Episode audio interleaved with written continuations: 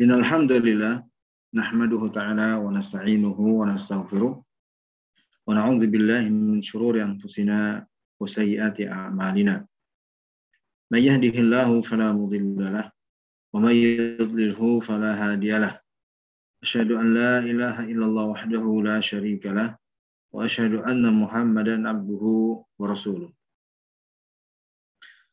يقول الله تعالى في كتابه الكريم أعوذ بالله من الشيطان الرجيم. يا أيها الذين آمنوا اتقوا الله حق تقاته ولا تموتن إلا وأنتم مسلمون.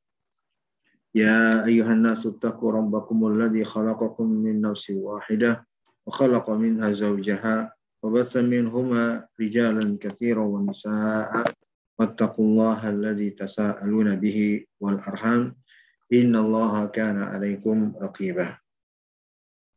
يا أيها الذين آمنوا اتقوا الله وقولوا قولا سديدا يصلح لكم أعمالكم ويغفر لكم ذنوبكم ومن يطع الله ورسوله فقد فاز فوزا عظيما أما بعد فيا معشر المسلمين peserta kajian Majelis Ta'lim Sahibul Jannah yang mudah-mudahan senantiasa dirahmati oleh Allah Subhanahu wa taala. Mari kita awali pertemuan kita dengan memanjatkan rasa syukur kita kepada Allah Subhanahu wa taala atas seluruh kebaikan yang kita rasakan, yang kita jumpai, yang kita dapatkan kecil atau bahkan besarnya.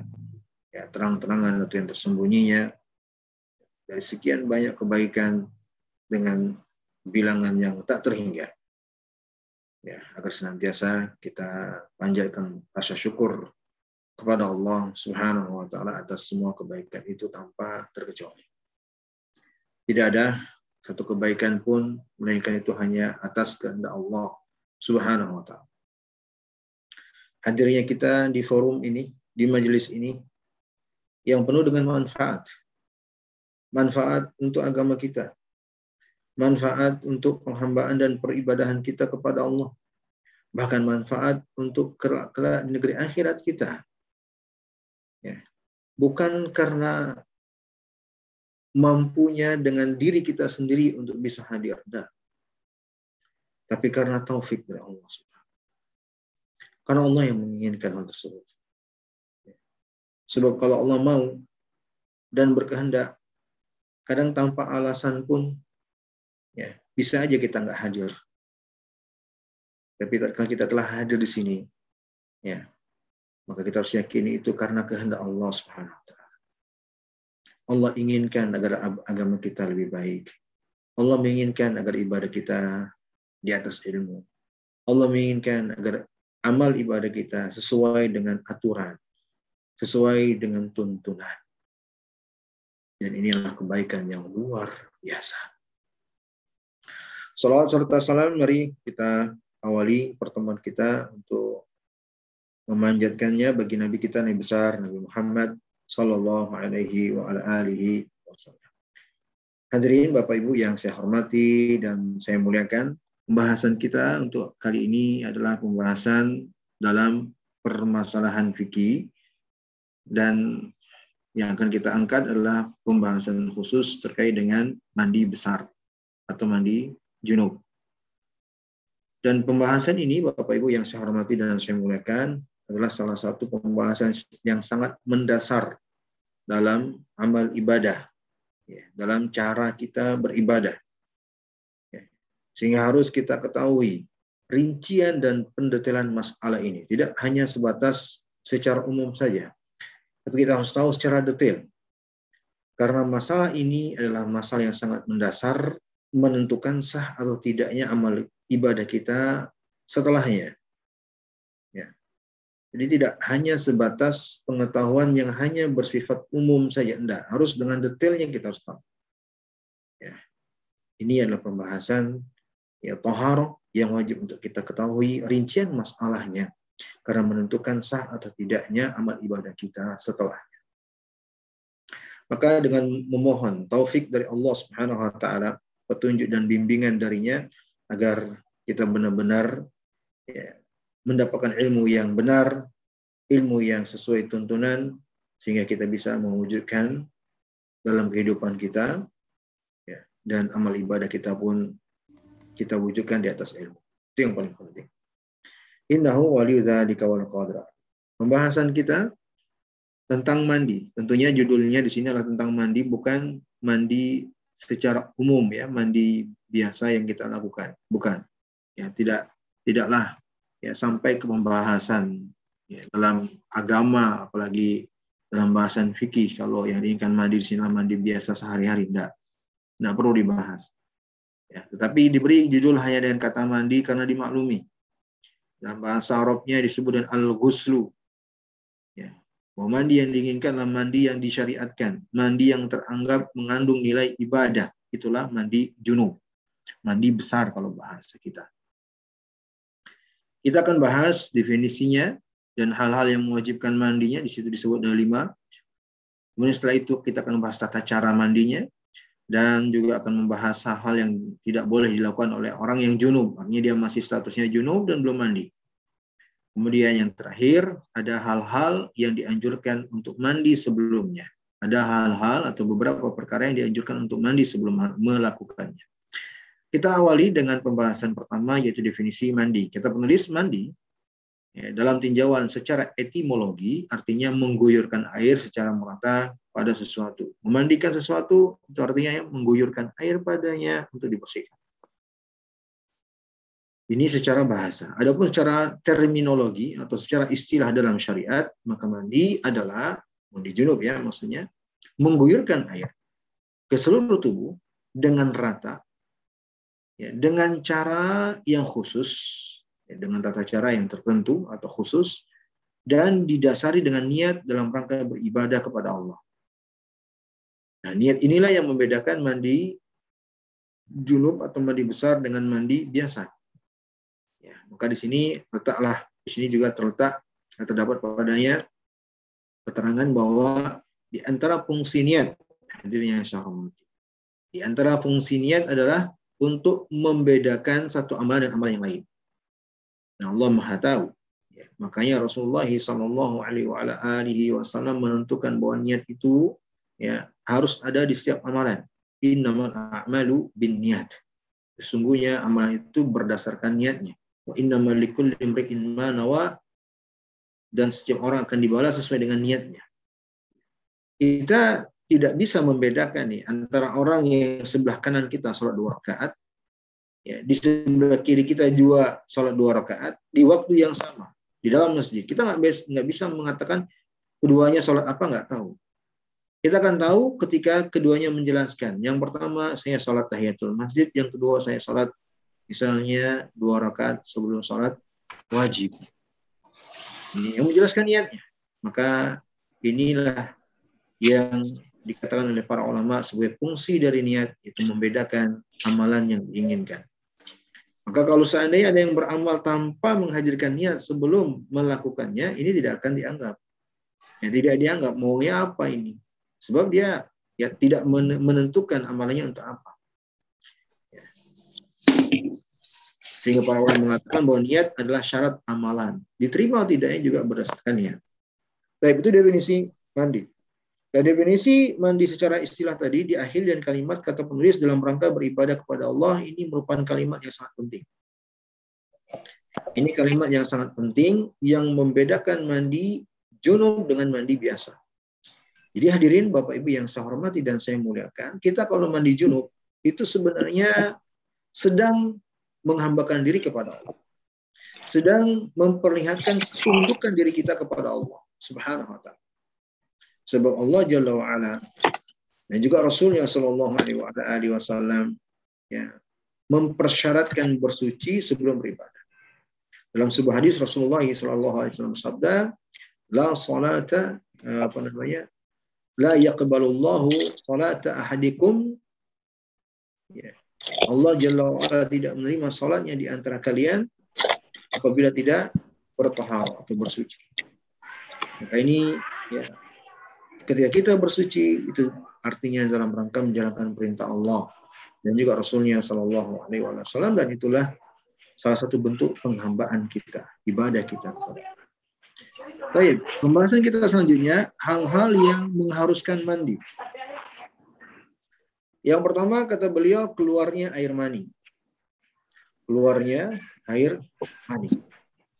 Air mani adalah kata beliau air putih, air yang berwarna putih, kental yang keluar disertai dengan syahwat dan bersifat keluar dengan memancar.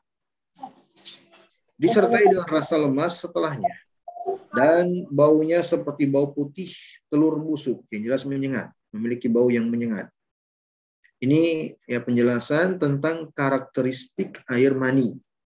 Karakteristik air mani yang membedakan dengan wadi dan madhi. Untuk tiga jenis air ini telah kita bahas ya di pertemuan sebelumnya. Keluar air mani, ini mewajibkan mandi, dalilnya ya adalah firman Allah Subhanahu wa taala, jika kamu junub maka mandilah. Maidah ayat kelima, uh, surah kelima ayat ke-6. Dan juga berdasarkan sabda Nabi Shallallahu Alaihi Wasallam kepada Ali radhiyallahu taalaanhu, "Faida fadhahtal ma faghtasil." Jika engkau memancarkan air mani, maka mandilah. Maka mandilah. Maka ini perkara yang pertama ya sebagai alasan wajibnya seseorang untuk mandi junub, yaitu keluar air mani. Ada beberapa catatan yang harus kita perhatikan terkait dengan poin yang pertama ini. Kata penulis yang pertama, Misalkan ada seorang mimpi basah, mimpi yang membuat dia ya, mengeluarkan air mani. Itu istilah mimpi basah. Ya. Tapi walaupun mimpi tersebut pada umumnya menyebabkan seseorang keluar air mani, ya, mimpi basah, dia tidak keluar air mani. Ya. Mimpi yang biasanya membuat orang keluar air mani, tapi dia tidak keluar air mani. Yang seperti ini tidak wajib mandi. Dan jika air mani baru keluar setelah bangun tidur, baru dia mandi. Barulah mandi. Ini catatan yang pertama. Catatan yang kedua, apabila seseorang mendapatkan air mani namun tidak mimpi basah, dia bangun dari tidur, dia lihat di ya, celana atau pakaiannya ada air mani, ya, tapi dia tidak ingat ya, mimpi basah atau tidak ya di saat dia tidur. Ya. Yang seperti ini cukup dengan alasan karena dia telah mendapatkan atau melihat adanya air mani yang keluar dari dirinya, maka wajib dia mandi. Walaupun dia tidak tahu apa yang tersebut sudah air mani. Ya. Di dalam kemaluan, namun tidak keluar, ini tidak wajib mandi. Mungkin aja ada seseorang merasakan adanya aliran air mani seperti biasanya yang dia rasakan, tapi dia lihat dan dia pastikan ternyata nggak keluar. Kalau seperti ini keadaannya tidak diwajibkan baginya untuk mandi. Karena memang pada asalnya patokannya adalah keluarnya air mani. Kemudian catatan selanjutnya kata penulis, misalkan air mani keluar karena penyakit tanpa disertai syahwat ya, tanpa disertai syahwat. Bisa jadi ada seseorang keluar air mani bukan karena syahwat. Ini yang paling penting. Catatannya poinnya di situ. Keluarnya bukan karena syahwat. Bisa jadi karena keletihan. Bisa jadi karena penyakit. Yang paling seringnya itu karena terlalu letih. Ya, dialami oleh sebagian laki-laki. Keluar air mani yang sepertinya tidak wajib mandi. Karena pertama bukan karena kemauan atau uh, bukan atas kemauan dirinya dan juga bukan karena syahwat. Kemudian selanjutnya kata beliau misalkan seseorang junub lalu mandi. Setelah itu keluar air mani tanpa disertai syahwat ya. untuk mengantisipasi ia harus berwudu. Tidak harus mandi lagi. Jadi orang ini misalnya dia ingin mandi junub setelah ya terjadi padanya hal-hal yang mewajibkan dia mandi. Nah, dia mandi. Ketika dia mandi selesai, ya keluar air mani tanpa disertai syahwat. Bisa jadi. Ya. Bisa karena mungkin tidak atau belum sempurna keluar di saat sebelum dia mandi, air maninya masih tertahan, dan seterusnya ada alasan-alasan tertentu sehingga setelah mandi dia dapatkan keluar air mani. Tentunya keadaan seperti ini ya, bisa dikatakan tidak disertai dengan syahwat. Yang seperti ini dia layak untuk berwudu, tapi nggak perlu mandi. Sebab mandinya untuk mandi untuk mandinya telah teranggap dengan mandi yang pertama tadi. Perlu dia mandi kembali. Catatan setelahnya kata penulis ketika seseorang bangun tidur lalu merasakan ada yang basah di pakaian atau celananya dan ia tidak teringat mimpi basah. Ya, ada tiga kondisi dalam hal ini. Pertama, ia yakin yang basah tersebut air mani. Kalau yakin itu air mani, saat itu ia wajib mandi. Baik ia ingat mimpi basah atau tidak. Kalau dia telah yakin telah mani, maka wajib dia mandi. Yang kedua, ia yakin yang bahasa tersebut bukan mani. Ia yakin dengan karakteristik yang telah dia ketahui. Dari yang telah ia pelajari. Oh ya bukan mani. Ya, maka dia tidak wajib untuk mandi. Bisa jadi kan, bisa jadi uh, mandi. Ya, karena karakteristik yang telah dipelajari. Hukumnya sama seperti air kencing. Jadi dia tidak diwajibkan untuk mandi, tinggal dibersihkan, ya, disucikan dirinya darinya. Kemudian yang ketiga, ia ragu nih, apakah ini mani atau bukan? Karena telah mungkin waktu telah berjalan, ya ini juga mungkin cairan telah mengering dan seterusnya, tapi meninggalkan bekas. Ya, kalau dia ragu, maka pertama ia harus berusaha memastikan, mencari tahu. Dia usaha dulu, jangan langsung menyimpulkan ya karena ragu tadinya tanpa ada usaha untuk memastikan. Kalau ternyata setelah itu dia dapatkan ini adalah mani, ya berarti yang basah tersebut adalah air mani. Ya, dan jika teringat yang basah tersebut, ya. Namun jika tidak teringat apa pun untuk lebih mengantisipasi, ia harus mandi. Ya. Ini ya yang ke selanjutnya. Kemudian catatan terakhir kata penulis apabila seorang melihat air mani namun tidak ingat kapan kapan ia mimpi basah, ia wajib mandi dan mengulang sholat yang dilakukan setelah tidur terakhir itu. Jadi kalau seandainya ada seseorang nih, dia tadinya mungkin ya, yakinnya bukan mandi. Sudah, setelah itu dia wudhu, nggak mandi, sholat. Setelah sholat ternyata dia yakin, oh, itu mandi. Baru tuh ingat, tadinya dia mimpi. Dengan pasti dia udah ingat. Kalau seperti ini, dia wajib untuk mengulang mandinya, ya kemudian mengulang sholatnya. Selagi belum habis waktu sholat tentunya ya. Kalau sudah habis waktu sholatnya, ya dia hanya perbanyak beristighfar kepada Allah Subhanahu wa taala. Hadirin yang saya hormati dan saya muliakan terkait dengan keluar air keluarnya air mani inilah rincian dari penulis. Ya, saya bisa menyimpulkan untuk kita perhatikan bersama ke dalam tiga poin saja.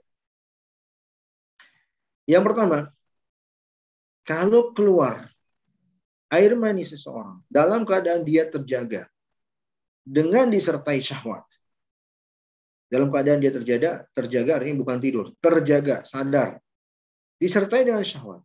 Ini wajib mandi.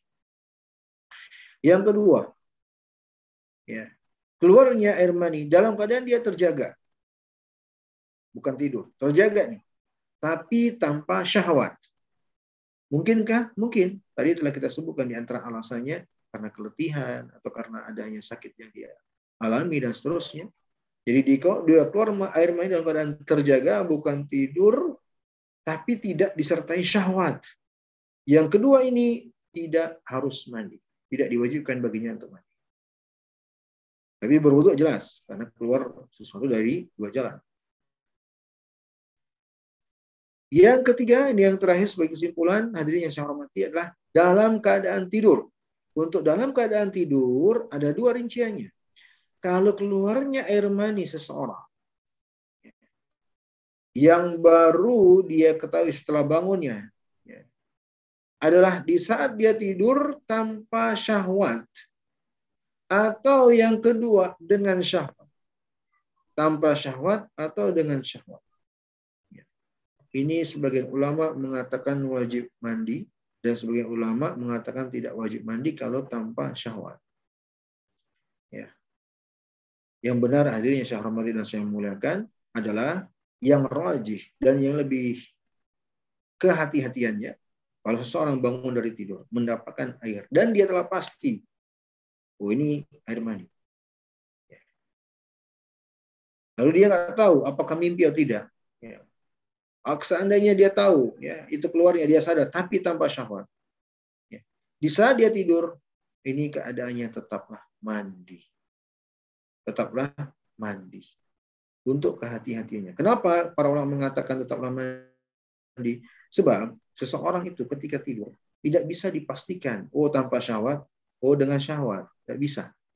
Sebab ketika dia tidur, ya bisa dikatakan akalnya dia nggak sadar. Makanya untuk dalam masalah ini, ya para ulama lebih menganjurkan untuk mandi ketika dia jumpai di saat dia bangun tidur ada air mani yang keluar dari dirinya. Baik, ini penyebab yang pertama. Penyebab yang kedua untuk keharusan mandi junub, kata penulis, adalah berhubungan badan. Berhubungan badan. Tentunya suami istri yang sah.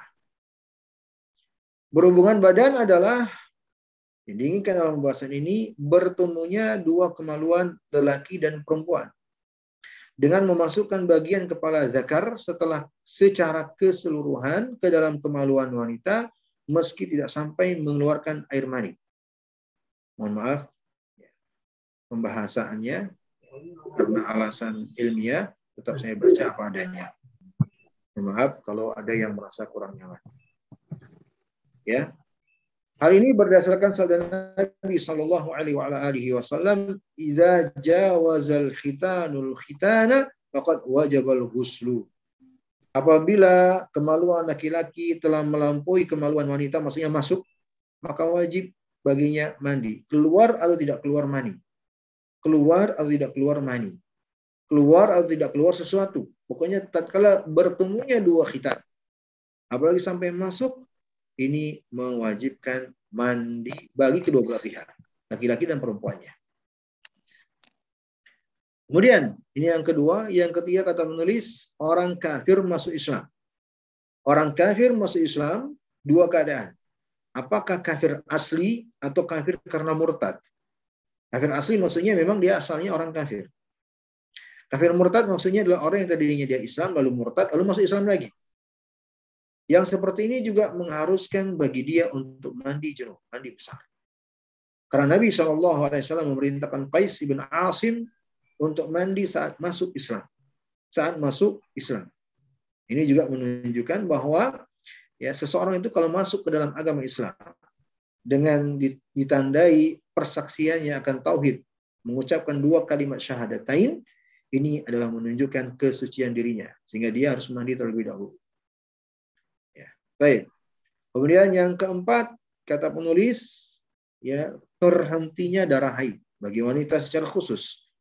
Ketika darah haid seorang wanita berhenti ya di masa yang biasa keluarnya, maka berdasarkan hadis Aisyah radhiyallahu taala anha bahwa Nabi Shallallahu alaihi wasallam bersabda kepada Fatimah bintu Abi Baish, "Idza aqbalat al-hayd fad'i as-salah wa idza wa idza adbarat faghsili anki dam wa salli.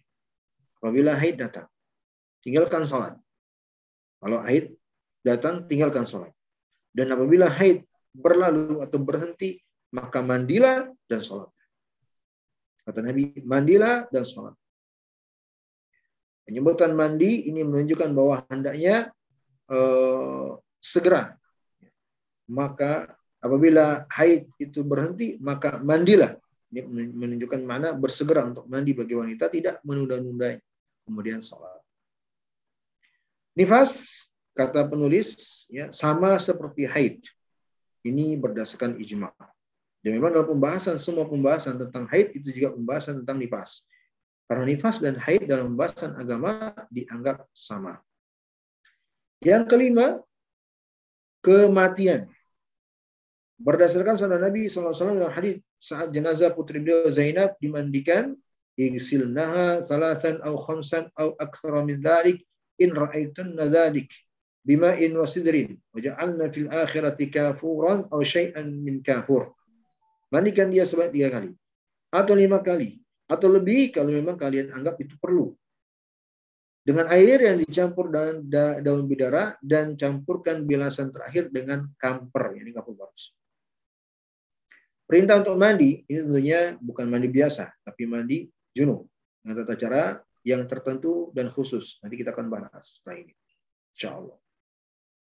Maka ini penyebab yang kelima bahwa seseorang kalau wafat wajib baginya mandi. Tentunya jangan dipahami mandi dengan sendirinya ya, tapi dimandikan. Seorang muslim kalau wafat wajib baginya untuk dimandikan dengan mandi junub. Baik, hadirin yang saya hormati dan saya muliakan, inilah inilah lima perkara yang wajib bagi seseorang untuk mandi apabila terjadi pada dirinya. Lima hal. Dan ini juga merupakan penjelasan dari jumhur ulama. Kita katakan jumhur. Ada perkara-perkara lain, nanti akan ada penjelasannya di akhir pembahasan, yang juga dianjurkan untuk mandi sebelum melakukannya, tapi tidak sebagai kewajiban. Tidak teranggap sebagai sebuah keharusan akan tetapi hanya sebatas anjuran atau mustahab. Nanti ada ya beberapa amalan yang dianjurkan untuk mandi padanya. Kita pindah ke pembahasan selanjutnya yaitu tata cara mandi junub. Nah, ini yang paling penting. Mandi tata cara uh, tentang tata cara mandi junub. Hadirin yang saya hormati dan saya muliakan, sebelumnya saya dahulukan saya beri pendahuluan bahwa tata cara mandi junub itu secara umum terbagi menjadi dua. Yang pertama mandi yang disebut oleh para ulama dengan istilah mandi mujzi. Yang kedua mandi kamil. Mandi junub yang disebut dengan mujzi ya itu adalah tata cara mandi yang ringkas.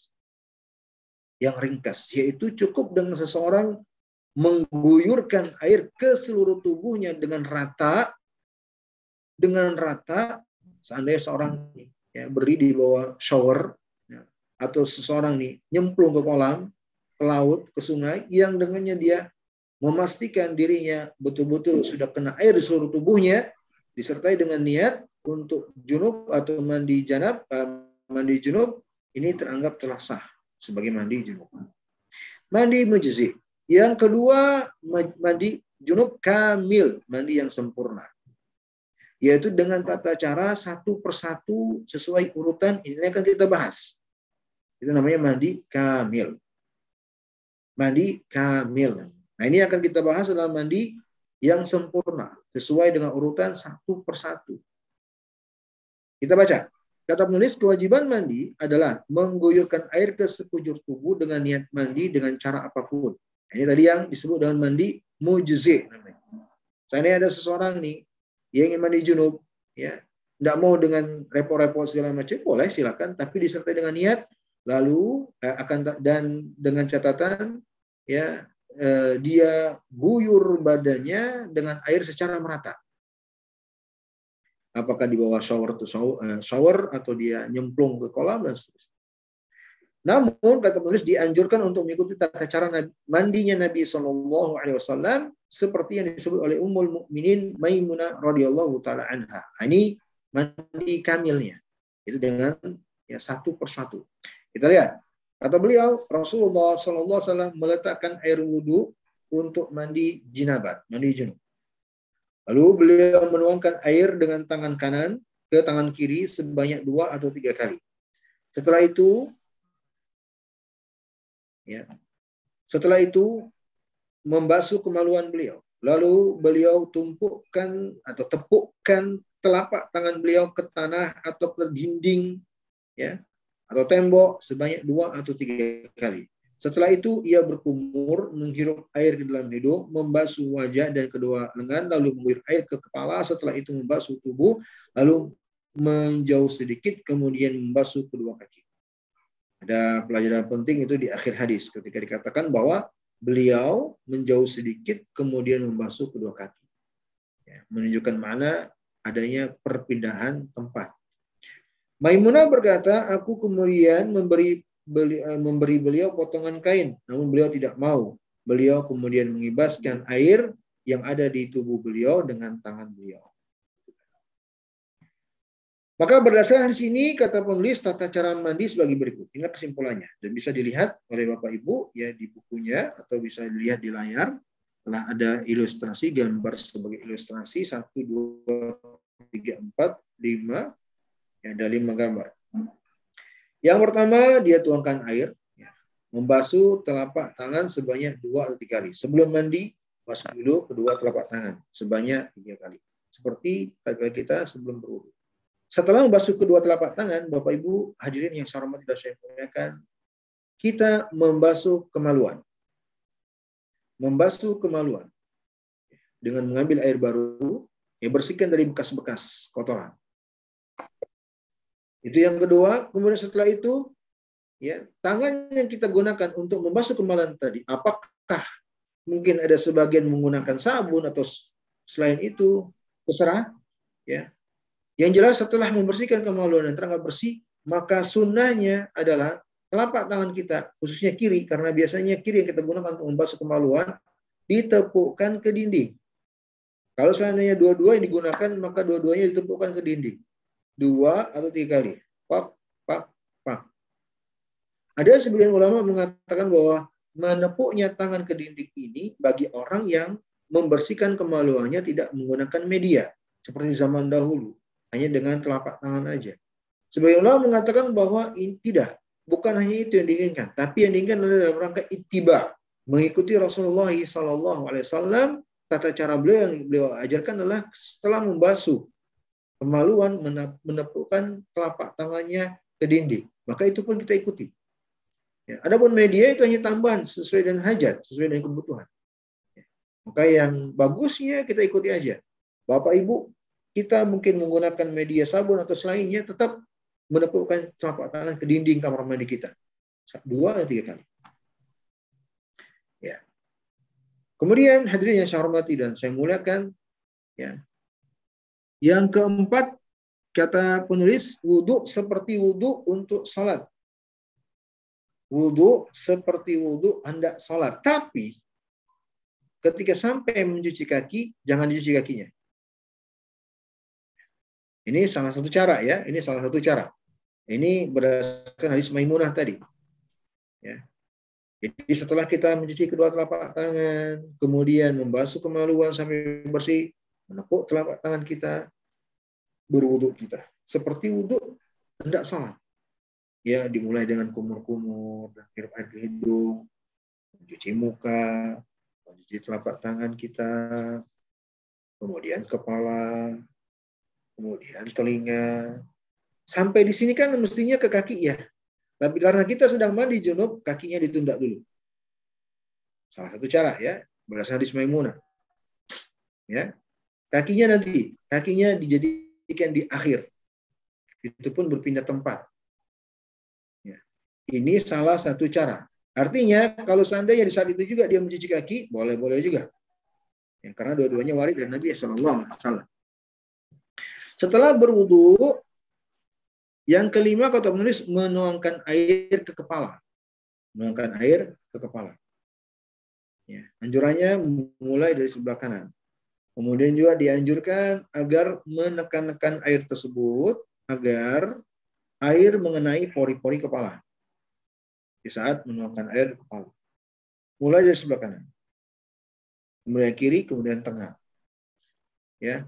Setelah kepala kita yakinkan kena air, pori-porinya juga kena air, barulah pindah ke poin ke-6 kata penulis mengguyur air ke sekujur tubuh, membasahi air diratakan dan dipastikan semuanya kena air. Dibawa ke tiak kita, ya di seluruh badan kita, pastikan semuanya kena air.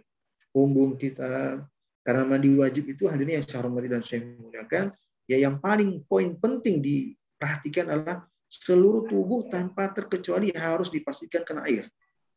Seluruh tubuh tanpa terkecuali harus dipastikan kena air. Tentunya tubuh bagian dal eh, bagian luar ya tentunya.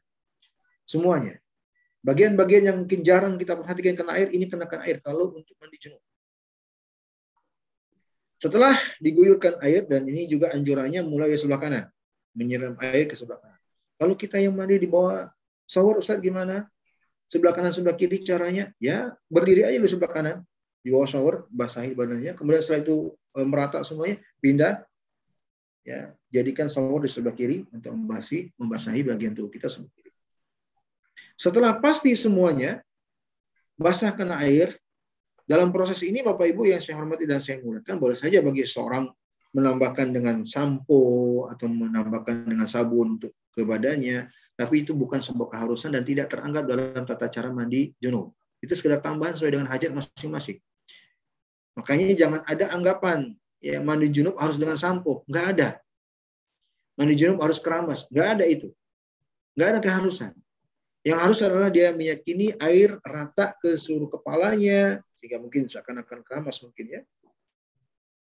Dengan sampo tidak tidak sampo. Ya. Juga membasahkan air seluruh tubuhnya, pakai sabun tidak sabun. Itu yang harus. Itu yang yang menjadi syarat. Ya, atau rukun dalam uh, mandi junub. Kemudian setelah dia pastikan semuanya kena air, dia berpindah sedikit ke tempat lain untuk menyempurnakan wudhu yang utama tadi dia lakukan, yaitu mencuci kaki. Sebagaimana ya tata cara mencuci kaki dalam berwudhu yaitu mulai dari jari ujung jari jemari sampai ke mata kaki, kemudian di sela-sela antara jari jemari. Ya, sebagaimana tata cara wudhu yang telah kita bahas. Baik hadirin yang saya hormati dan saya muliakan, ya inilah eh, tata cara mandi ya dengan poin per poin yang disebutkan oleh penulis. Saya tambahkan di sini Bapak Ibu yang saya hormati dan saya muliakan tadi tentang mencuci kaki dalam mandi junub. Yang kita jelaskan di sini berdasarkan hadis Maimunah bahwa Nabi Shallallahu Alaihi Wasallam memisahkan cucian kedua kaki beliau menjadi akhir penutup mandi wajib, sebagaimana yang dijelaskan di buku ini. Ya. Dan boleh juga, boleh juga seseorang dia sempurnakan berwuduknya tadi langsung sampai ke cucian kaki tidak dipisah. Ini berdasarkan hadis Aisyah Aisyah radhiyallahu taala anha. Ya. Maka kata para ulama boleh kalau begitu seseorang memilih. Silakan aja dia mengakhirkan cucian kakinya atau dia sempurnakan saat dia berwudu di awal sebelum mandi itu tidak mengapa. Ya.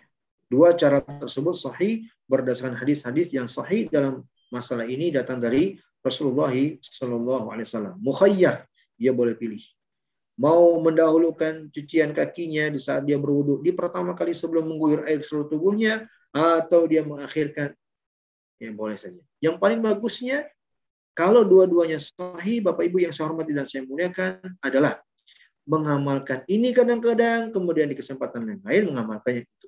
Ini dan itu diamalkan ya berganti-gantian. Itu yang paling bagus. Ya, karena kata para ulama dalam rangka menghidupkan semua ajaran Nabi Shallallahu Alaihi Wasallam. Semuanya kita lakukan. Baik, wallahu taala alam bisawab. Kemudian di sini penulis rahimahullah taala memberikan faedah. Yang pertama, ini catatan-catatan tambahan ya. Wanita tidak wajib mengurai pintalan rambut saat mandi junub atau haid. Tidak harus kok. Mungkin ada di antara para muslimah atau mukminah yang biasa me, apa namanya memintal rambutnya, mengikat rambutnya. Kalau dia mandi junub tidak ada keharusan untuk mengurai rambutnya. Kalau dia yakini, apalagi nih bagi sebagian wanita yang membutuhkan untuk memintal rambutnya, dia kan aja nak memang ada hajat. Yang harus dia yakini adalah air kena ke pori-porinya, kan bisa aja. Catatan yang kedua, kata penulis, saat mandi haid atau nifas, nah ini perhatikan. Catatan yang kedua ini adalah catatan khusus atau spesifik bagi para wanita dengan haidnya. Bagi para wanita dengan haidnya ketika mandi junub, sama ya wanita yang nifas juga, ketika mandi junub dianjurkan mengambil potongan katun atau semacamnya, ya, potongan kain atau kapas ya yang diberi dengan parfum kalau bisa jenis kasturi, misik. Itu sunnahnya. Anjurannya seperti itu. Untuk diusapkan ke bekas-bekas ya, darah yang tadinya keluar haid atau nifas. Ini ya ada anjurannya bagi para wanita secara khusus yang mandi junub dari haid atau nifas. Baik, ini berdasarkan beberapa istihad dan pendapat dari para ulama dan juga telah sabit hal ini berdasarkan hadis Aisyah radhiyallahu taala anha. Banyak hikmah di antaranya ya bahwa hal ini agar hilang bau-bau yang mungkin masih membekas.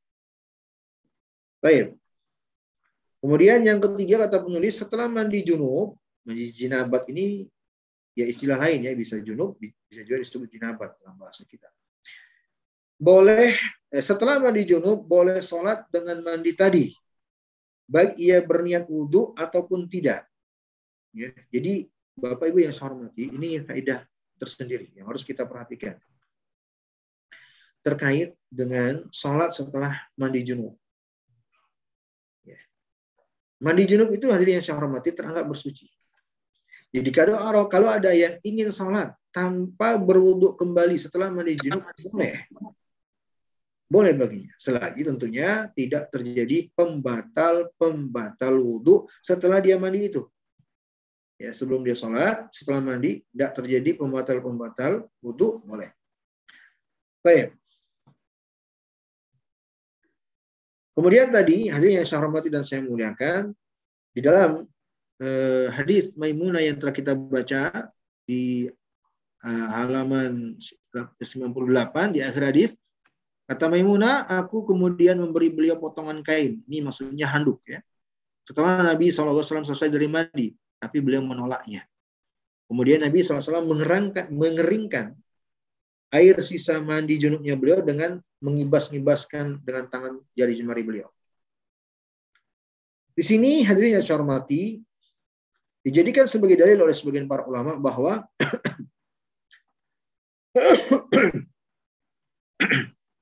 mohon maaf ya, Bapak Ibu saya minum.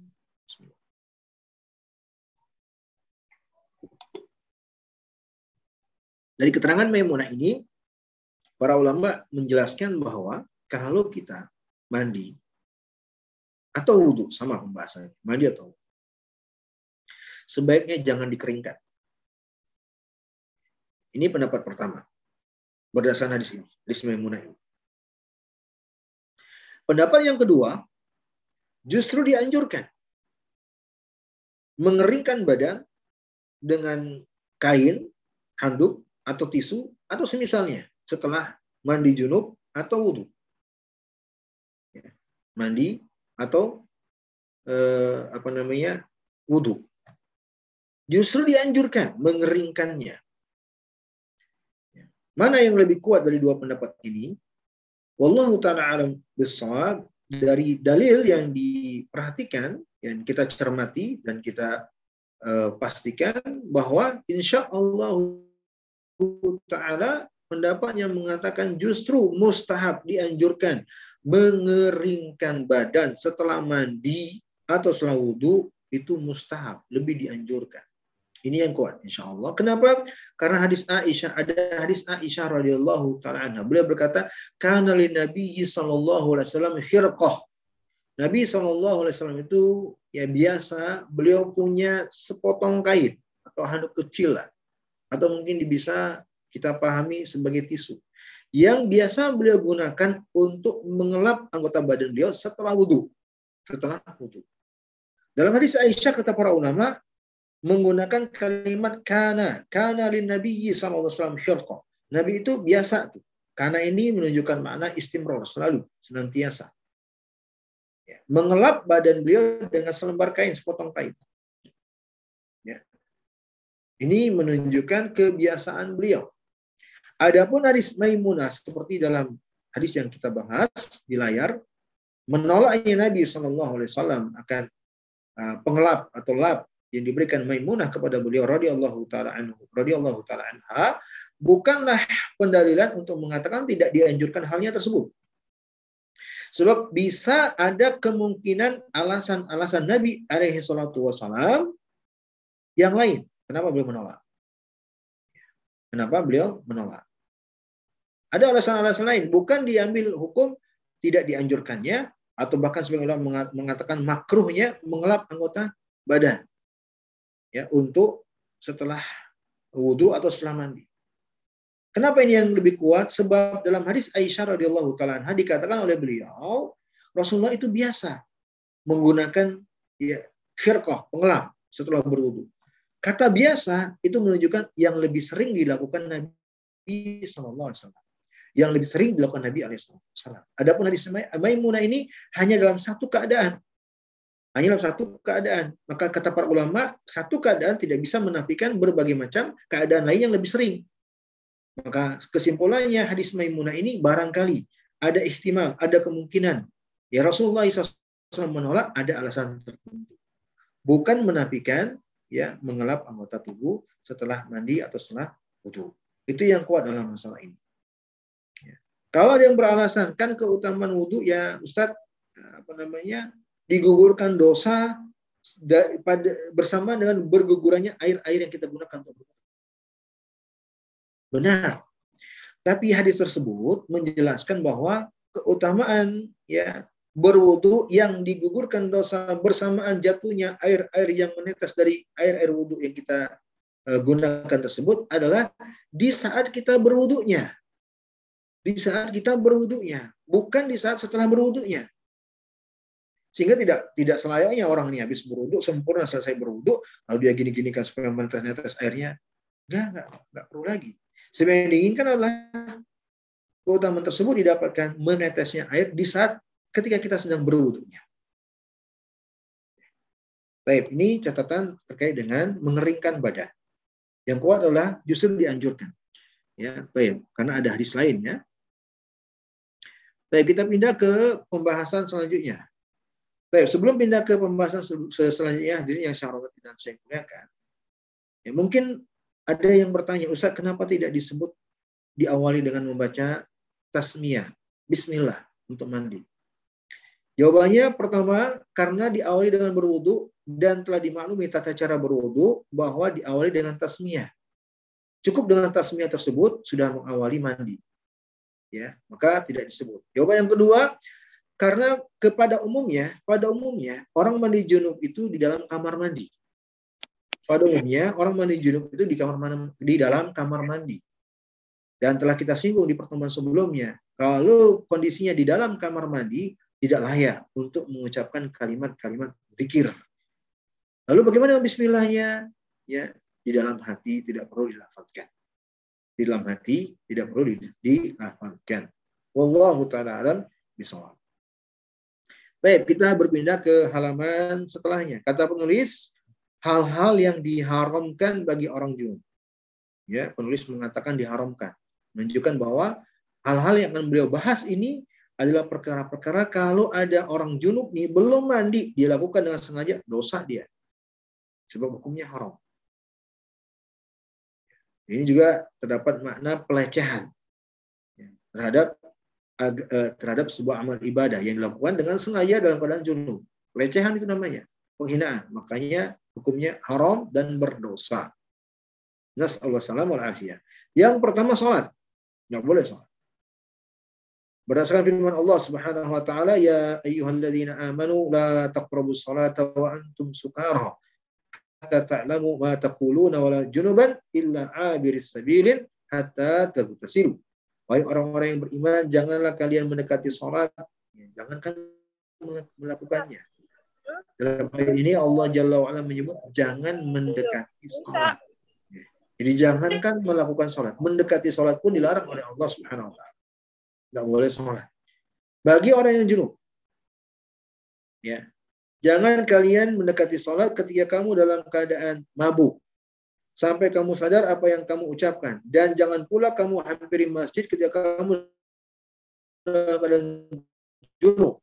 Ya, apalagi sholat ya menghampiri masjid saja tidak boleh kata Allah. Ya, dalam keadaan junub kecuali sekedar melewati berlalu begitu saja ya sebelum kamu mandi junub. Kalau sebelum mandi junub jangan berlama-lama di dalam masjid.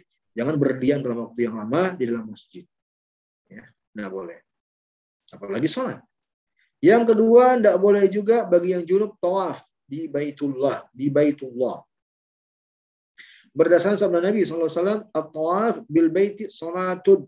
Tawaf di Baitullah itu teranggap sebagai sholat. Sebagaimana sholat itu dipersyaratkan bersuci, demikian juga tawaf. Harus dengan suci. Yang ketiga, tidak boleh menyentuh mushaf. Tidak boleh menyentuh mushaf ya atau Al-Qur'an, lembaran-lembaran Al-Qur'an. Tidak boleh menyentuh mushaf atau lembaran-lembaran Al-Qur'an. Untuk yang ketiga ini, Bapak Ibu yang saya hormati dan saya muliakan, ya, sangat keras larangannya. Berdasarkan firman Allah Subhanahu wa taala tidaklah ada yang menyentuhnya selain hamba-hamba Allah yang disucikan. Al-Waqi'ah ayat ke-79. Dan juga sabda Nabi SAW, la yamassu al-mushafa illa tahirun. Tidak ada yang boleh menyentuh mushaf kecuali orang tersebut suci. Junub adalah keadaan berhadas tidak suci. Maka tidaklah pantas dia untuk menyentuh mushaf. Ya. Yang keempat hadirin yang saya hormati dan saya muliakan, tidak pula boleh membaca Al-Quran.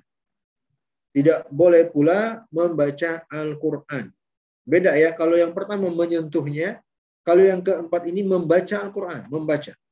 Diriwayatkan dari Ali radhiyallahu taala anhu ia berkata Rasulullah sallallahu alaihi wasallam keluar dari tempat buang hajat lalu membacakan Al-Qur'an membacakan Al-Quran kepada kami dan makan daging bersama kami. Tidak ada sesuatu pun yang menghalangi beliau untuk membaca Al-Quran selain junub. Ya. Kalau yang keempat ini, hadirin yang saya hormati dan saya muliakan, ya, memang pembahasan kita tentang yang diharamkan. Tapi ada khilaf, perbedaan para ulama. Ada yang mengatakan makruh. Bukan haram, tapi makruh. Ya. Apalagi seseorang yang junubnya ya, dalam waktu yang tidak tahu. Yang dan dibutuhkan untuk menjaga hafalan dan zikir. Ya. Maka seperti ini selagi dia membaca Al-Quran tidak menyentuh. ya Dari hafalannya misalnya. Atau dari perangkat misalnya. Maka ini tidaklah sampai ke derajat haram. Walaupun kita katakan sebaiknya dia segera mandi dulu, bersuci. Itu yang paling utama memang. Ya. Baik. Ini yang keempat, terkait dengan membaca Al-Quran bagi orang yang junub. Yang kelima, tinggal di dalam masjid kecuali bagi yang melintas saja berdasarkan firman Allah dan telah kita bacakan ayatnya tadi. Ya. Kalau lama, ini tidak, tidak boleh. Kalau sesaat sebentar berlalu saja atau mungkin duduk untuk mendengarkan majelis ta'lim kata para itu termasuk tidak dalam waktu tidak lama. Biarkan saja dan dibolehkan. Ini beberapa hal yang dilarang untuk dilakukan bagi yang junub. Kita berpindah ke pembahasan selanjutnya, mandi yang dianjurkan. Nah, ini amalan-amalan yang dianjurkan untuk mandi sebelum melakukannya. Anjuran. Ini bukan keharusan. Boleh iya, boleh tidak. Silakan pilih. Ya tentunya kalau kita semangat untuk mencari pahala, ya maka tentu kita akan melakukannya. Yang pertama di hari Jumat khusus bagi lelaki yang ingin menunaikan sholat Jumat. Berdasarkan sabda Nabi SAW, Man tawadda'a yawmal jumu'ati fabiha fabiha wa ni'mat. Wa man igtasala fahuwa afdal. Barang siapa yang berwudu pada hari Jumat, maka itu sesuai sunnah dan amalan tersebut baik. Dan siapa yang mandi, maka itu lebih baik. Ini yang pertama. Untuk laki-laki, kalau ingin sholat Jumat. Artinya bukan juga alasannya karena hari Jumatnya sebenarnya. Tapi untuk salat Jumatnya, bisa jadi hari itulah harinya hujan atau seperti yang kita sedang alami pandemi, masjid tutup, maka ini tidak disyariatkan. Mandinya ini adalah penyebabnya untuk menunaikan sholat Jumat. Di sini penulis mengatakan ini termasuk yang dianjurkan. Walaupun saya katakan ada juga sebagian ulama mengatakan bukan dianjurkan, tapi diwajibkan. Karena ada hadis lain ya bahwa disebut Nabi SAW mengatakan ya termasuk perkara yang diharuskan. Dengan kalimat termasuk perkara yang diharuskan untuk mandi sebelum Jumat. Yang kedua kata beliau mandi saat berihram untuk umroh atau haji. Ya, ketika di mikot secara eh, pada umumnya di mikot ya. Sebelum di mikot boleh aja. Diriwayatkan dari Zaid bin Thabit radhiyallahu anhu yang melihat Nabi SAW menanggalkan pakaian berjahit saat hendak berihram dan mandi. Ini biasanya kita lakukan di mikot sebelum uh, masuk ke manasik. Yang ketiga, mandi setelah memandikan mayit. Bagi orang yang memandikan mayit. Bis memandikannya dianjurkan untuk mandi. Berdasarkan saudara Nabi SAW, man ghassala mayitan fal yagtasil. Dan siapa yang habis memandikan mayit, maka dia juga mandi setelah itu. Kemudian kata penulis, yang keempat mandi setiap selesai dari berhubungan badan suami istri. Ya. Maksudnya bagi seseorang suami istri yang ingin melanjutkan ya, jimaknya maka disela dengan mandi terlebih dahulu. Ini dianjurkan. Sekali lagi saya mohon maaf kalau ada yang merasa kurang nyaman ya, dalam rangka ilmiah dan saya membacakan sesuai dengan apa yang ada dari dalil yang ada. Diriwayatkan dari Abu Rafi radhiyallahu taala bahwa Nabi sallallahu alaihi wasallam suatu ketika menggilir seluruh istri beliau, beliau mandi di tempat sini dan di tempat situ. Ya, Aku kemudian bertanya kepada Nabi SAW, wahai Rasulullah, apakah engkau tidak menjadikannya satu kali mandi saja? Nah, di sini si pendalilannya. Kata Nabi SAW, itu lebih bersih, lebih baik, dan lebih suci. Ya, di sini ya kalimat beliau ini menunjukkan bahwa ini hanya anjuran, bukan sebagai kewajiban. Sebab beliau katakan lebih bersih, lebih baik, lebih suci. Kalau enggak, berarti enggak mengapa. Tidak dikatakan sebagai sebuah keharuman. Ya. Itu jawab Nabi SAW dalam hadis dari Imam Terakhir, hadirin yang saya hormati dan saya muliakan, kata penulis, hal-hal yang tidak sepatutnya untuk dilakukan. Yang pertama, menunda mandi junub hingga waktu sholat habis. Ya, menunda-nunda sholat eh, mandi junub. Ya, menunda-nunda mandi junub. Yang kedua, meninggalkan sholat wajib setelah suci dari haid bagi wanita. Jangan tunda-tunda, apalagi sampai meninggalkan sholat. Jangan. Ya, kepada kaum muslimah saudari-saudari muslimah mukminah yang semoga dirahmati oleh Allah Jalla wa ala. Jangan tunda-tunda apalagi sampai meninggalkan haid, eh sampai meninggalkan sholat, apalagi karena alasan haid yang diragukan. Kadang ada sebagian wanita meragukan ini haid atau tidak. Lalu serta serta merta meninggalkan sholat. Ya. Misalkan seorang wanita suci dalam eh, sebelum waktu zuhur habis seukuran satu rakaat. Jadi misalnya nih, ada wanita sucinya masih di waktu sholat zuhur, di akhir waktu menjelang asar. Dan diperkirakan nih waktu tersebut masih bisa sholat, walaupun cuma satu rakaat. Sempit sudah mendekati asar. Walaupun seperti ini keadaannya tidak layak bagi seorang muslimah, dia katakan, ah nanti aja dia tangguh sekali asar. Enggak. Sebaiknya dia segera dan dia sholat zuhur. Dia wajib mandi dan sholat zuhur. Nabi SAW bersabda, man adraka rak'atan min as-subhi qabla an tatlu'a asy-syamsu faqad adraka as-subh wa man adraka rak'atan min al-'asri qabla an taghrub asy-syamsu faqad adraka al-'asr siapa al-'asr siapa yang mendapatkan satu rakaat subuh sebelum matahari terbit ia dapat subuh Siapa yang mendapatkan satu rakaat asar sebelum terbenam matahari, dia dapat asar. Artinya jangan tunda-tunda, segera sholat. Jadi itu sudah terangkat. Ya. Tapi ini hadirin yang saya hormati dan saya muliakan terkait dengan pembahasan ya, masalah mandi junub. Ya. Kemudian eh, saya tambahkan sebagai penutup untuk pembahasan kita di pertemuan hari ini. Yang pertama, tidak diharuskan untuk berwudu kembali setelah mandi junub. Ya, setelah mandi junub. Ya. Bagi seorang yang telah mandi junub dengan tata cara yang telah sesuai tuntunan agama, maka dia tidak diharuskan untuk berwudhu setelah itu ya hatta wa illam yakun tawaddu'a walaupun dia ketika mandi junubnya mandinya mandi mujzi mandi mujzi tadi yang bagaimana mandi yang cukup tanpa detailnya tadi. Boleh dia setelah mandi junub tersebut ya untuk salat tanpa berwudhu kembali. Kenapa? Karena mandi junub itu teranggap sebagai salah satu amalan bersuci mengangkat hadas bahkan hadas besar. Sementara wudhu itu amalan yang dianggap bersuci untuk mengangkat hadas asgor. Tentunya ya mengangkat hadas akbar, amalan yang dianggap mengangkat hadas akbar itu otomatis mengangkat hadas asgor. Ya. Makanya dalam hadis kata Aisyah kan Rasulullah SAW la yatawaddaq ba'da ghusli minal janabah. Nabi enggak berwudhu kembali setelah mandi junub. Disebut dalam hadis yang lain, yaktasil wa yusalli rak'ataini. Wala arahu ya yuhditsu wudu'an ba'da al-ghusl. Ya, Nabi beliau mandi kemudian beliau salat dua rakaat dan aku tidak lihat beliau berwudu ya setelah mandi tersebut untuk salat. Ini catatan yang pertama Bapak Ibu yang saya hormati dan saya ngomongkan. Yang kedua sebagai tambahan apabila ada dua alasan yang mengharuskan mandi terjadi di satu keadaan bersamaan. Misal, haid dan junub.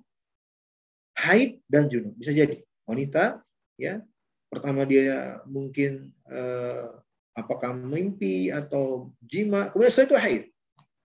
Atau keadaannya junub dan Jumat. Ya. Fa'innahu yujzi anhuma wahid.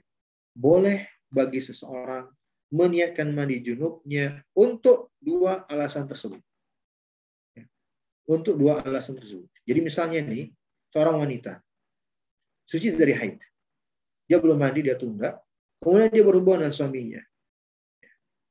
Tentunya setelah bersih ya, karena tidak layak dalam keadaan kotor. Ya. Kemudian setelah itu, ya berarti dia dua, dua, dua alasan nih. Mandi dari suci haid atau mandi dengan yang kedua, uh, mandi yang kedua, mandi dari berhubungan badan. Boleh baginya untuk satu mandi saja dengan dua niat tadi.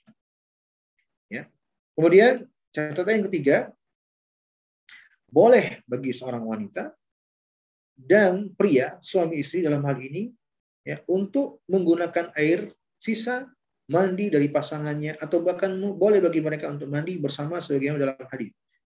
Rasulullah SAW kata Aisyah, wa kuntu agtasil ana wa Nabi SAW min ina'in wahid aku dan Nabi SAW pernah mandi bersama di tempat yang satu. Kata Aisyah radhiyallahu taala anha. Sekali lagi ini menerangkan akan hukum bolehnya hal tersebut. Yang terakhir ya sebagai catatan tambahan adalah barang siapa yang mengalami hadas di tengah-tengah dia mandi. Di tengah-tengah dia mandi ketika proses ini lagi mandi junub ya membersihkan badannya, menyiram badannya, terjadi hadas. Hadas asgor, buang angin, atau buang air kecil, atau buang air besar. Ini kan hadas. Ya, berarti dia berhadas. Yang seperti ini, Bapak Ibu yang saya hormati, tidaklah teranggap membatalkan mandi junubnya. Tidaklah teranggap membatalkan mandi junubnya sehingga tidak harus dia ulang dari awal lagi. Tidak, teruskan Anda teruskan aja mandi junubnya. Hanya saja dia nggak boleh sholat setelah itu.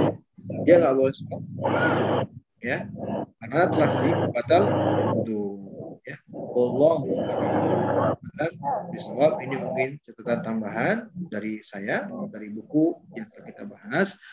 Ya dan dengan demikian berakhirlah untuk uh, pembahasan kita di pagi hari ini. Mudah-mudahan Allah Subhanahu wa taala memberikan manfaat dari apa yang telah kita bahas. Dan semoga Allah Jalla wa menjadikan semua amalan kita sebagai amalan yang dilakukan di atas ilmu ya sesuai dengan tuntunan.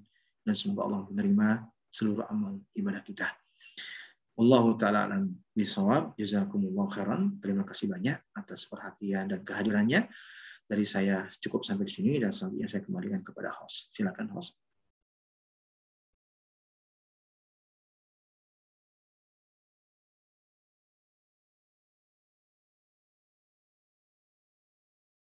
ada hostnya kayak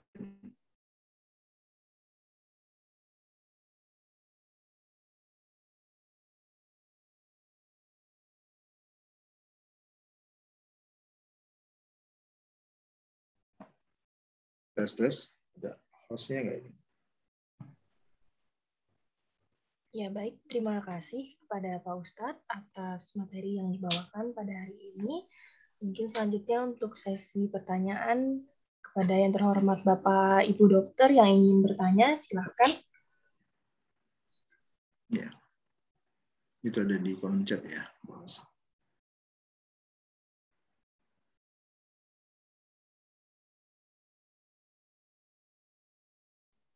Yes. Ya, atau yang di kolom chat dulu ya Pak Ustadz.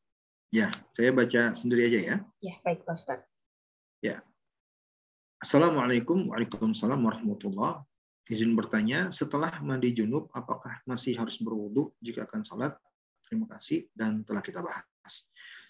Ya, untuk jawabannya telah kita bahas ya, bahwa kalau dia ingin sholat setelah mandi junub, ya apakah mandi junub dengan cara tadi yang pertama mujizib, ya cukup dia guyurkan semua badannya, atau dengan cara kamil sesuai dengan urutannya, rinciannya, boleh tanpa harus berwudu terlebih dahulu. Karena mandi tersebut telah teranggap sebagai bersuci. Ya, teranggap sebagai sebuah amalan bersuci bagi seseorang. Sehingga dia boleh sholat dengannya. Tidak perlu berwudu kembali. kecuali ketika dia proses mandi terjadi pembatal-pembatal wudhu. Buang angin, buang air kecil, buang air besar, ya, atau keluar air mani, mazi, wadi, dan seterusnya dari pembatal-pembatal wudhu yang telah kita pelajari bersama, barulah dia harus berwudhu. Kalau tidak terjadi, maka tidak perlu. Intinya sih, mandi junub itu, Bapak Ibu yang saya hormati termasuk salah satu bersuci. Sama seperti wudhu sebenarnya. Sama persis seperti wudhu. Ya, hanya saja uh, alasan pengamalannya yang berbeda. Kalau mandi junub karena ada alasan-alasan tertentu. Ya. Wallahu taala alam bisa. Mudah-mudahan bisa dipahami ya.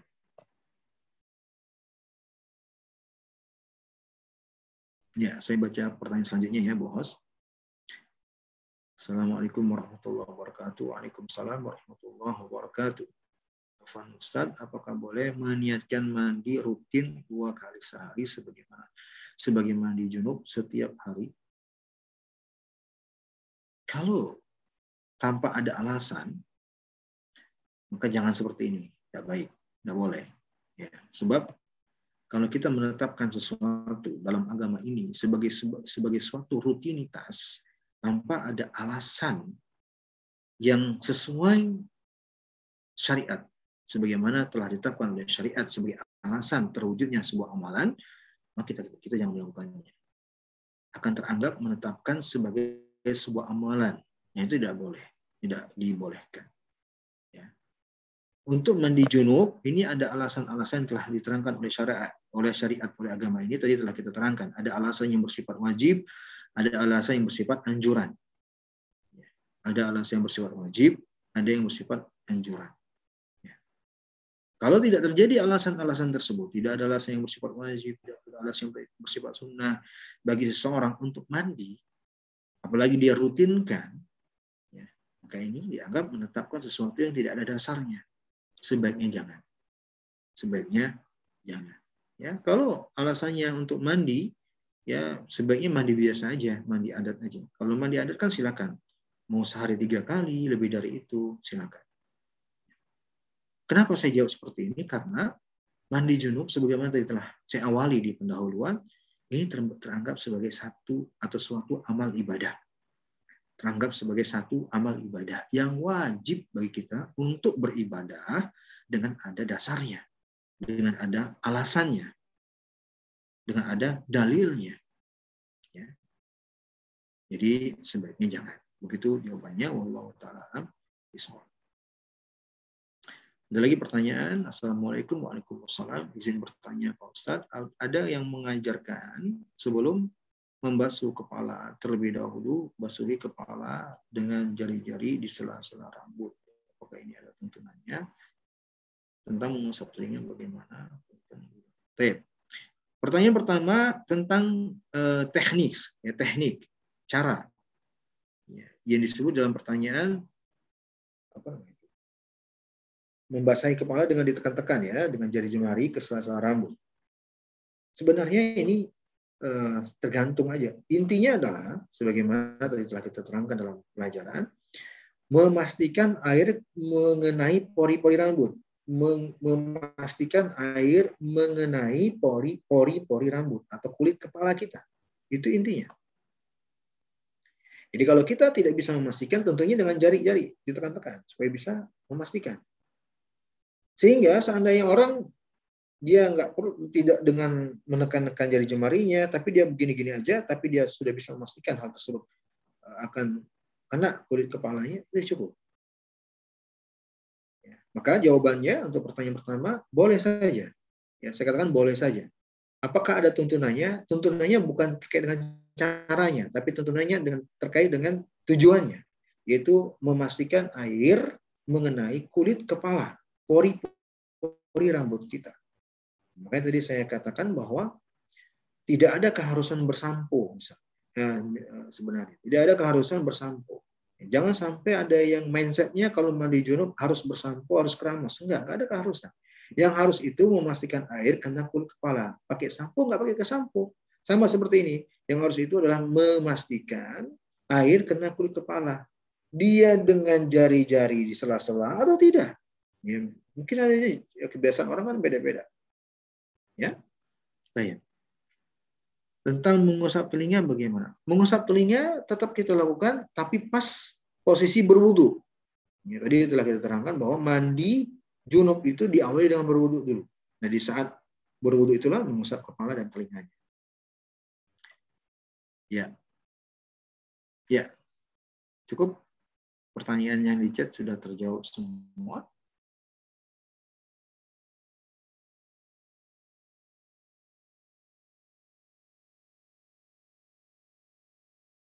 Ya, sudah terjawab semua ya, Bu Hos.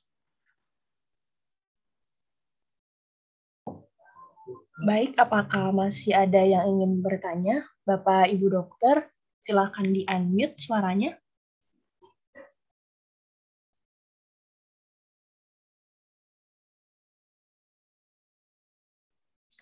Uh, punten Pak Ustadz, mungkin mungkin saya tadi kebetulan ada uh, ada yang miss barangkali. Jadi menyelesaikan wudhu sampai kaki atau ketika sampai di kepala dilanjut dengan mungkin mohon maaf kalau saya kurang menyimak tadi.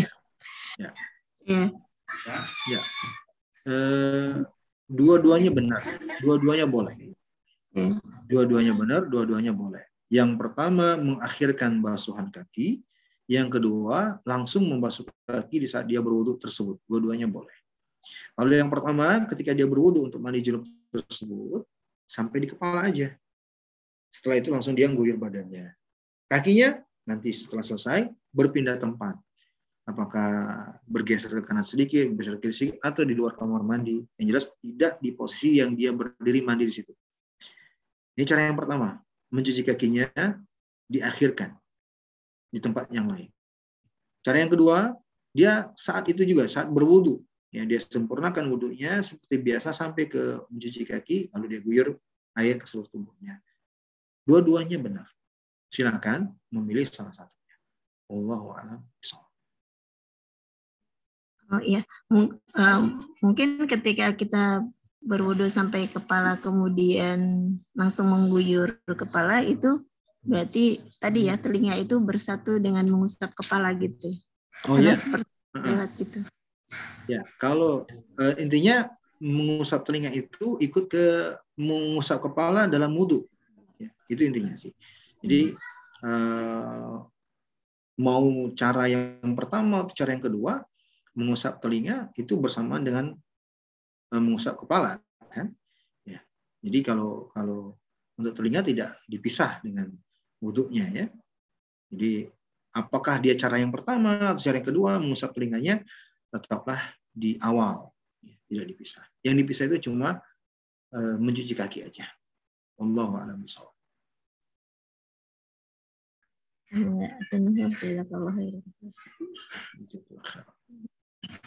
Ada lagi yang bertanya? Um, mungkin sedikit Ya. Saya pernah lihat postingan, tapi mungkin sering kali salah ya kalau kita membuat melihat postingan sepotong gitu ya dari Ustadz Abdi Hidayat kalau nggak salah.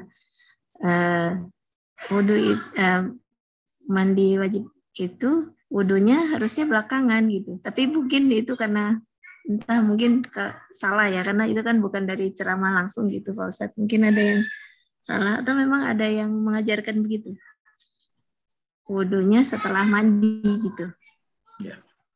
Uh, kalau uh, kita kaitkan dengan tata cara mandi junub, yang kedua, tata cara mandi junub yang kedua yaitu mandi kamil, maka yang benar adalah wudhunya sebelum mandi. Itu yang benar. Sebagaimana hadis Maimunah tadi. Dan dalam hadis Aisyah juga demikian. Mandi eh, wudhunya sebelum mandi.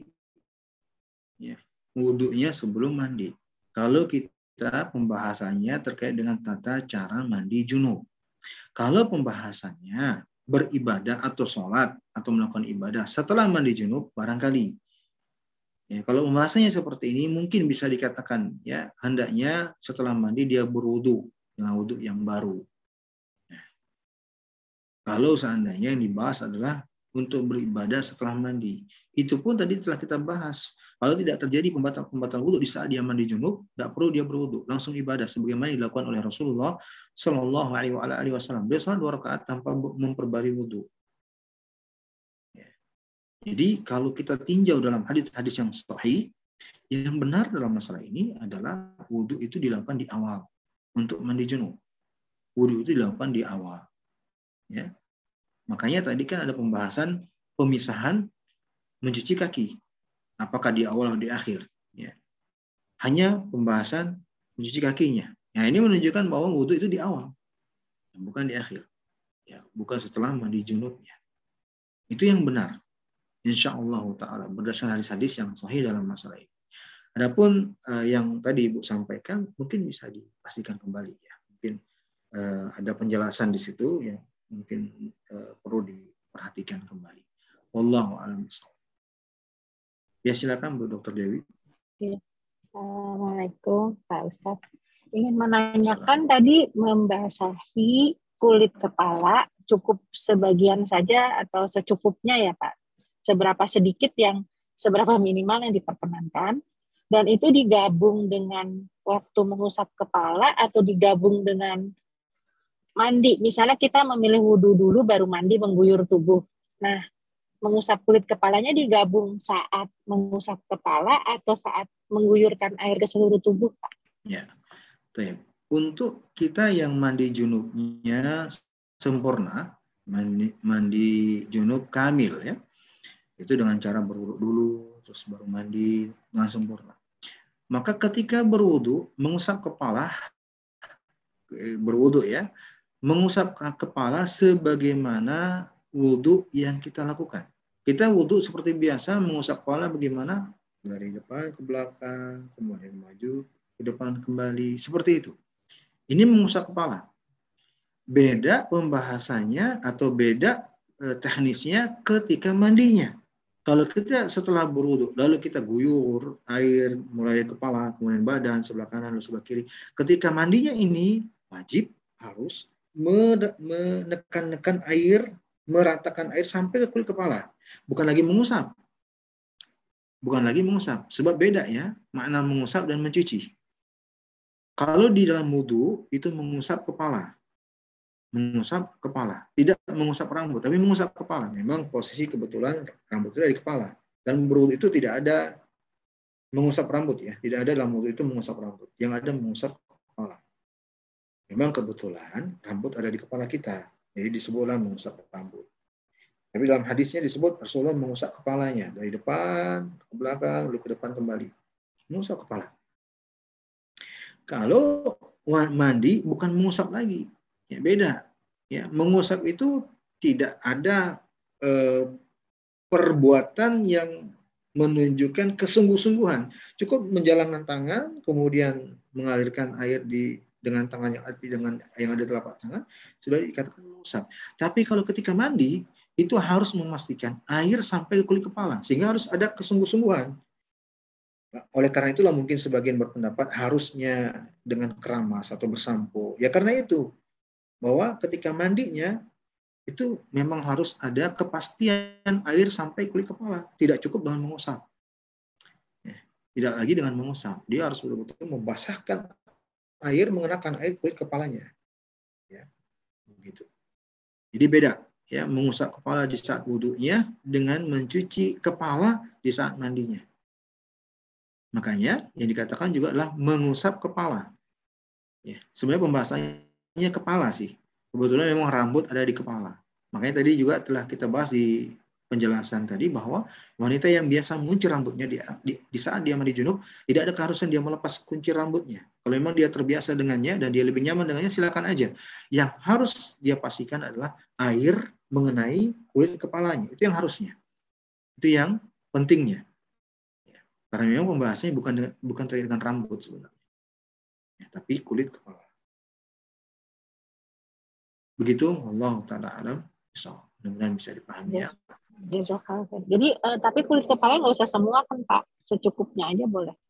Enggak, harus semuanya. Harus semuanya. Harus semuanya. Harus semuanya. Harus semuanya. Harus hmm. meratakan air ke seluruh tubuh. Ya, makanya tadi kita tekankan bahwa untuk mandi wajib, sebenarnya poin yang paling penting adalah meratakan air ke seluruh bagian tubuh kita. Poin yang penting. Makanya tadi para ulama mengatakan bahwa kalau mandinya seseorang dengan cara yang pertama, yaitu mandi mujzi namanya. Mandi yang sederhana. Dengan cara dia nyemplung badannya ke kolam. Dengan cara dia berdiri di bawah shower. Boleh, selagi dia pastikan airnya rata ke seluruh tubuhnya. Ketika dia mandinya. Jadi ketika dia mandinya, dia pastikan air di bagian-bagian yang mungkin jarang terkena air, ya di ketiaknya, di rambut, di, di kepalanya, dan semua badan, dia pastikan semuanya kena air. Harus.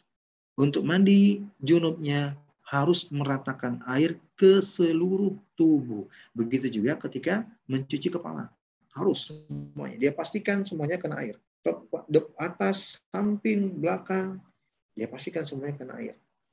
Nah, Itulah ini saya tambahkan, itulah para ulama mengatakan bahwa pentingnya untuk berwudu dan mandi junub ini adanya gerakan menggosok-gosok atau disebut dalam istilah fikih dengan al-dalk, menggosok-gosok, ya, menekan-nekan, ya, meratakan air dengan tangan.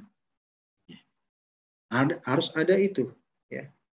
Sebab kalau kita mungkin bisa jadi ada seseorang yang dia harus menghemat air. Menghemat air. Barangkali ada keadaan yang harus seperti itu. Kalau dia cuma menyiramkan airnya saja untuk mandi junub, niscaya air tidak akan rata. Tapi caranya adalah diambil airnya dengan gayung atau dengan media yang lainnya, dia siramkan pelan-pelan, lalu dia ratakan dengan tangannya. Barulah akan bisa membantu untuk memastikan semua air kena ke seluruh bagian tubuh. Dengan adanya bantuan tangannya, digosok-gosok atau ditekan. Itulah yang disebut dengan ad-dalk. Ya. Ada sebuah hadis, Rasulullah itu pernah berwudu satu mut. Satu mut itu dua telapak tangan beliau ambil air, kemudian dituangkan, berwudu dengan setakaran atau sekadar air itu. Mungkin segelas ini barangkali. Ini saya ada gelas depan saya, putih, setengah gelas. Bisa berwudu seperti ini. Sekarang logis nggak kalau kita berwudu dengan air segini, kalau caranya adalah cuma menyiramkan saja, mungkin nggak akan cukup. Habis keburu airnya, mungkin baru sampai di wajah habis ini air segini kalau cuma diguyur aja. Tapi bisa terkala bagaimana kita ambil airnya sedikit demi sedikit, lalu kita ratakan dengan tangan kita. Ambil airnya sedikit, lalu kita ratakan. Kenakan semua bagian, cukup sedikit. Ambil lagi sedikit, untuk tangan, kita ratakan dengan tangan. Cukup, dan insya Allah cukup, walaupun segitu. Begitu juga ketika mandi. Ya, mandi junub juga demikian. Mungkin ada seorang harus menghemat air suatu saat atau suatu pada. Ya, makanya para ulama mengatakan ketika mandi atau ketika wudhu harus adak menggosok-gosok. Ya. Kepala juga demikian harus dia ratakan dengan cara ya memastikan dengan tangannya untuk apa air kena ke seluruh tubuhnya. Wallahu taala alam bisawab.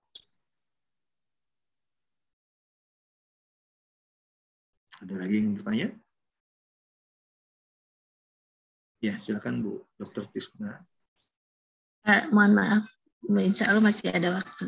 Uh, tadi terkait dengan haid, kadang kadang-kadang uh, mungkin haid itu seperti sudah mau berhenti, tapi keluar lagi gitu Pak Ustadz. Jadi kadang-kadang apakah uh, setiap kali kelihatannya sudah sudah kering, so, wudhu, apa namanya mandi, terus uh, sholat, tapi udah itu ternyata keluar lagi. Atau mungkin sebetulnya kadang kadang-kadang wanita itu sudah paham bahwa polanya memang dia akan menyelesaikan misalnya enam hari. Hari kelima misalnya seperti kering sebentar sesaat gitu. Ini mungkin dokter Dewi yang lebih paham ya mengenai dokter Dewi SLG. Uh, eh, jadi uh, apakah kita memang harus wudhu setiap kali kering? Eh, maksudnya mandi atau nggak apa-apa lah memang nanti bakal selesai enam hari enam hari gitu jadi sudah aja tunggu sampai enam hari meskipun ada periode keringnya gitu mungkin itu pertanyaannya Pak Ustaz ya, Insya Allah dalam pembahasan fikih Bapak Ibu yang saya hormati dan saya muliakan salah satu pembahasan yang para ulama mengatakan bahwa pembahasan yang paling sulit dari sekian banyak pembahasan fikih yaitu tentang haidnya wanita. Itu pembahasan yang paling sulit. Kenapa dikatakan paling sulit? Karena adanya perbedaan yang luar biasa ragam macamnya. Adanya kasus-kasus yang berbeda-beda.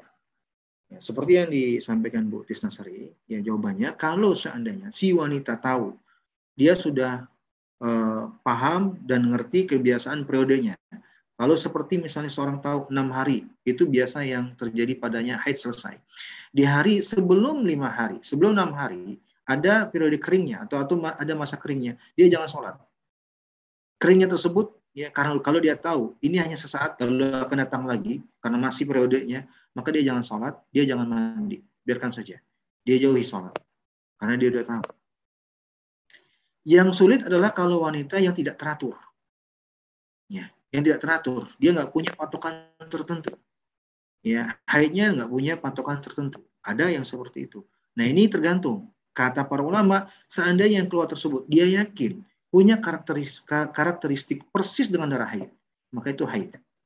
Ketika keringnya, ketika keringnya, maka kalau dia yakin nih, ya, dia yakin seandainya ketika keringnya atau tidak keluarnya, ini tidak akan keluar lagi, maka silakan dia mandi, dia sholat. Kalau memang wanita tersebut adalah wanita yang tidak punya uh, masa tertentu, masa tertentu, wanita yang tidak teratur haidnya. Ya. Maka dia silakan mandi dan seterusnya. Kalau dia lihat, ya ternyata setelah itu eh, yang keluar adalah haid, maka dia berhenti. Kalau yang ternyata keluar setelah itulah haid dengan karakteristik yang dia ketahui. Kalau ternyata yang keluar tidak memiliki karakteristik yang sama dengan darah haid, dia tetap sholat. Ya, bisa jadi itu darah kotor atau darah fasad dan bisa berbeda dengan karakteristik darah haid. Ini bagi wanita yang punya eh, periode yang pasti tentang haidnya. Ya. Wallahu alam bisawab.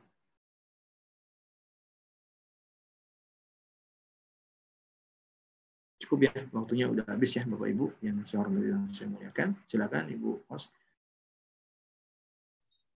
Ya, ya sama-sama. Ya baik, terima kasih Pak Ustadz atas materinya hari ini. Semoga bermanfaat bagi kita semua. Amin. Karena waktunya sudah habis, uh, izinkan saya tutup dengan baca doa penutup majelis. Subhanakallahumma bihamdika asyhadu alla ilaha illa anta astaghfiruka wa atubu ilaik. Kurang lebihnya mohon maaf. Wassalamualaikum warahmatullahi wabarakatuh. Waalaikumsalam warahmatullahi wabarakatuh. Jazakumullah khairan. Saya pamit dulu.